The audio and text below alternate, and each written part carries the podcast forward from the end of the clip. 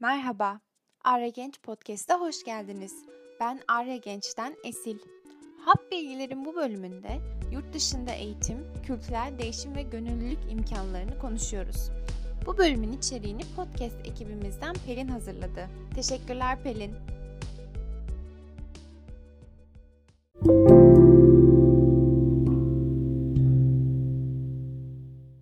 Daha önce yurt dışında eğitim alan birisiyle konuştuysanız size muhtemelen bu deneyimin tüm bakış açısını değiştirdiğini, hayata başka bir çerçeveden bakmasına olanak sağladığını söyleyecektir.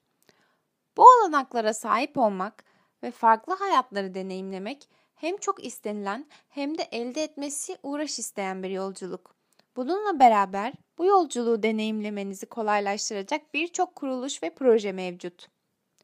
Türkiye'nin birçok proje ve kuruluşla anlaşması olduğu için aslında gençler olarak bu alanda avantajlı bir konumda olduğumuzu söyleyebiliriz.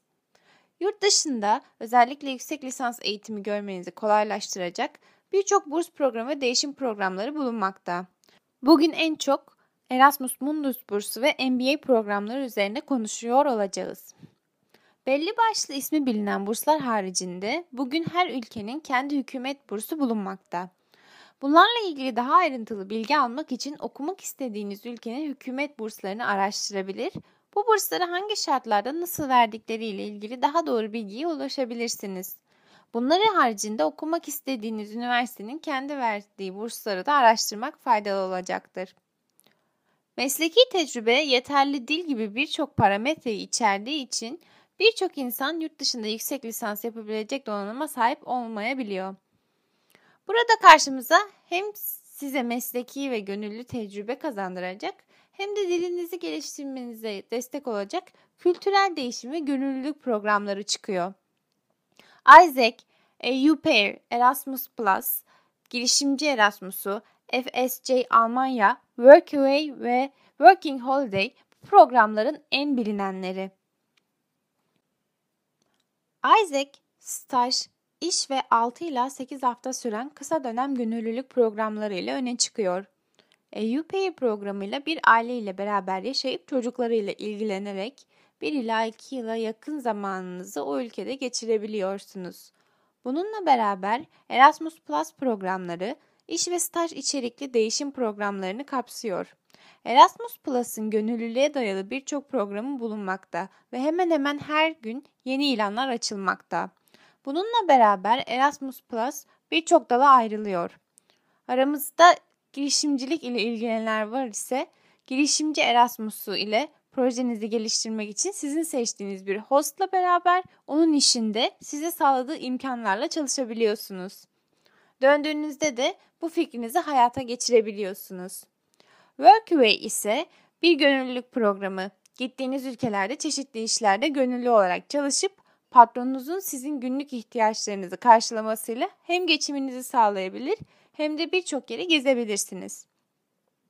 Working Holiday programıyla da okulunuz bittikten sonra vizeye başvurarak Avustralya ve Yeni Zelanda'da bir yıl boyunca hem çalışabilir hem de gezebilirsiniz. FSC Almanya, Almanya'nın uluslararası öğrenci kabul eden değişim programı. Bu program dahilinde 18 ay Almanya'da kalabiliyorsunuz. Programın tek şartı ise A1 düzeyinde Almanca bilgisine sahip olmanız ve bunu belgeleyebilmeniz. Genel olarak bilinen programlar bu şekilde. Detaylı bilgiye sahip olmak için ilgilendiğiniz programı zaman ayırıp araştırmanız daha sağlıklı olacaktır. Gelelim Erasmus Mundus programlarına.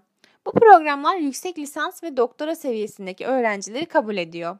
Programlar minimum iki üniversitenin ortak çalışmasıyla planlanıyor ve öğrenciler programları süresince birden fazla ülkede eğitim alıyor. Programlarda okumaya hak kazanan adaylar çoğunlukla Erasmus Mundus bursunu almaya da hak kazanıyor. Bu program başvuruları dünyanın her yerinden adayları açık. Program sonunda öğrenciler iki ya da daha fazla üniversiteden ortak diploma alarak mezun olmuş oluyorlar. Bu bursun içeriği ülkelere göre değişiyor. Türkiye Avrupa Birliği üyesi olmasa da Avrupa Birliği program ülkesi olduğu için bu programdan yararlanma hakkına sahip. Program masrafları ise program içeriklerine göre değişebiliyor. Eğer burslu şekilde yararlanamazsanız belli bir ücret ödeyerek programa katılabiliyorsunuz. Okuduğunuz bölüm özelindeki programları filtreleyip aratırsanız başvuru şartlarına ve nasıl başvuracağınıza dair daha detaylı sonuçlara ulaşabilirsiniz. Sahne Senin etkinliğinde bizlere bu bilgileri aktaran Mazlum Bingöl, kendisinin deneyimlediği Erasmus Mundus programından bahsetti. Projesini incelediğimizde bu projenin farklı Avrupa ülkeleriyle birlikte hazırlanmış dinamik ve etkileşim temelli öğrenme yaklaşımları, grup çalışmaları ve probleme dayalı raporlar hazırlamak üzerine yoğunlaşmış olduğunu görüyoruz.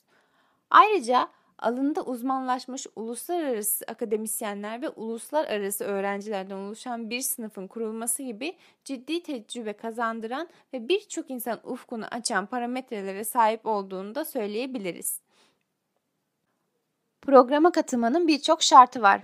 Az önce bahsettiğim projenin şartları arasında bu alanda veya bu alana yakın bir alanda okumuş ya da çalışmış olmak gerekiyor. Bununla birlikte akademik IELTS sınavından minimum 6,5 puan almak gerekiyor. Konuşma, yazma, okuma ve dinleme bölümlerinin her birinden minimum 5,5 puan alınmış olmalı. Başvurunuza motivasyon mektubunuzu, referans mektubunuzu, pasaportunuzu, CV'nizi, IELTS puanınızı ve son olarak diploma ile transkriptinizi eklemeniz gerekiyor. Bugün bahsedeceğim bir diğer program ise MBA. İngilizce açılımı Master Business Administration. Türkçesi ise işletme yüksek lisansı anlamına geliyor. Yani lisansüstü bir yetkinlik derecesi almak anlamına geliyor. MBA yapmak için belli bir iş tecrübesine sahip olmanız gerekli ve iş tecrübenizin süresi başvuracağınız kuruma göre değişiyor. Program dahilinde her üniversitenin belli başlı bursları oluyor. Bu burslara başvururken yazacağınız motivasyon mektubunuz ise iş tecrübenizle beraber en önemli kriter. İş deneyimlerinizin yanında yaptığınız gönüllülük faaliyetleri sizin ne kadar yetkin olduğunuzu göstereceği için CV'nizde yer alması sizi öne çıkaracaktır.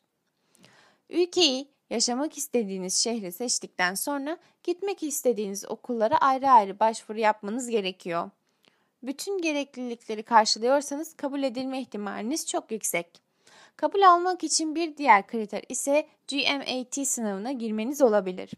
Mühendislik kökenli alanlarda GMAT sınavının istenmesi daha olası. Buna ek olarak çalıştığınız kurumlarda iyi bir referansa sahip olmak kabul alma olasılığınızı arttırıyor. Bu gibi projeler söz konusu olduğunda motivasyon mektubunuzun ne kadar özenli hazırlandığı da çok önemli. Sizi yüzlerce hatta belki binlerce kişi arasında öne çıkaracak en önemli belge bu mektup. Unutmayın, sizi hiç tanımayan birine kendinizi anlatıyorsunuz.